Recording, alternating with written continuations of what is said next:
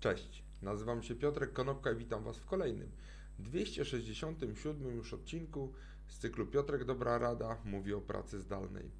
Dzisiaj powiem kilka słów na temat sześciu sposobów, dzięki którym będziecie mogli wspierać dobrostan swoich zdalnych pracowników.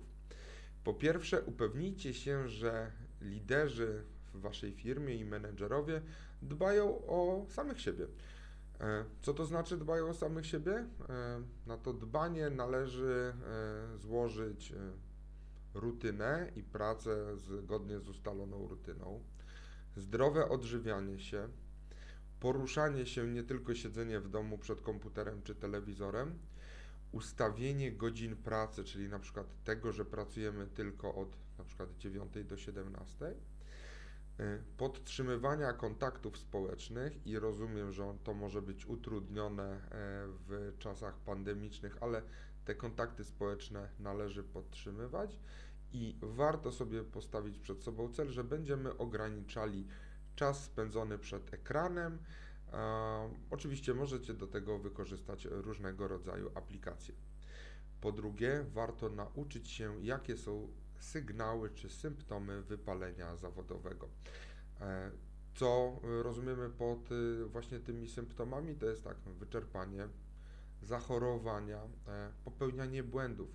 Zmniejszona produktywność również może być symptomem wypalenia zawodowego, frustrację, brak entuzjazmu czy opóźnianie w dostarczaniu wyników. I warto zwrócić uwagę na to, czy wasi pracownicy nie podpadają pod któryś z tych elementów.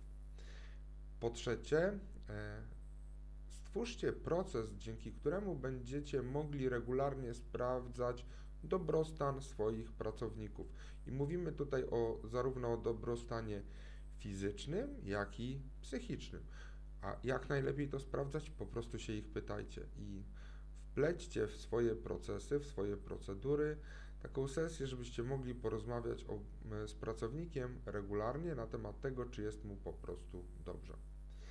Po czwarte, wyjaśnijcie, jakie są Wasze oczekiwania co do wydajności pracy, a jeżeli trzeba, to po prostu zresetujcie i ustawcie na nowo te e, wskaźniki czy mierniki, e, którymi mierzycie e, produktywność pracownika bo to, co sprawdzało się rok temu, może nie sprawdzać się dzisiaj i warto nad tym się zastanowić.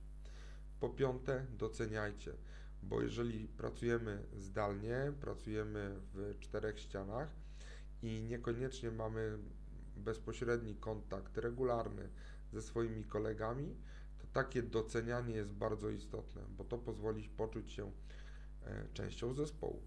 I po szóste, pozwólcie swoim pracownikom, żeby mieli ten work-life balance pomiędzy e, pracą a życiem prywatnym, żeby była zachowana równowaga.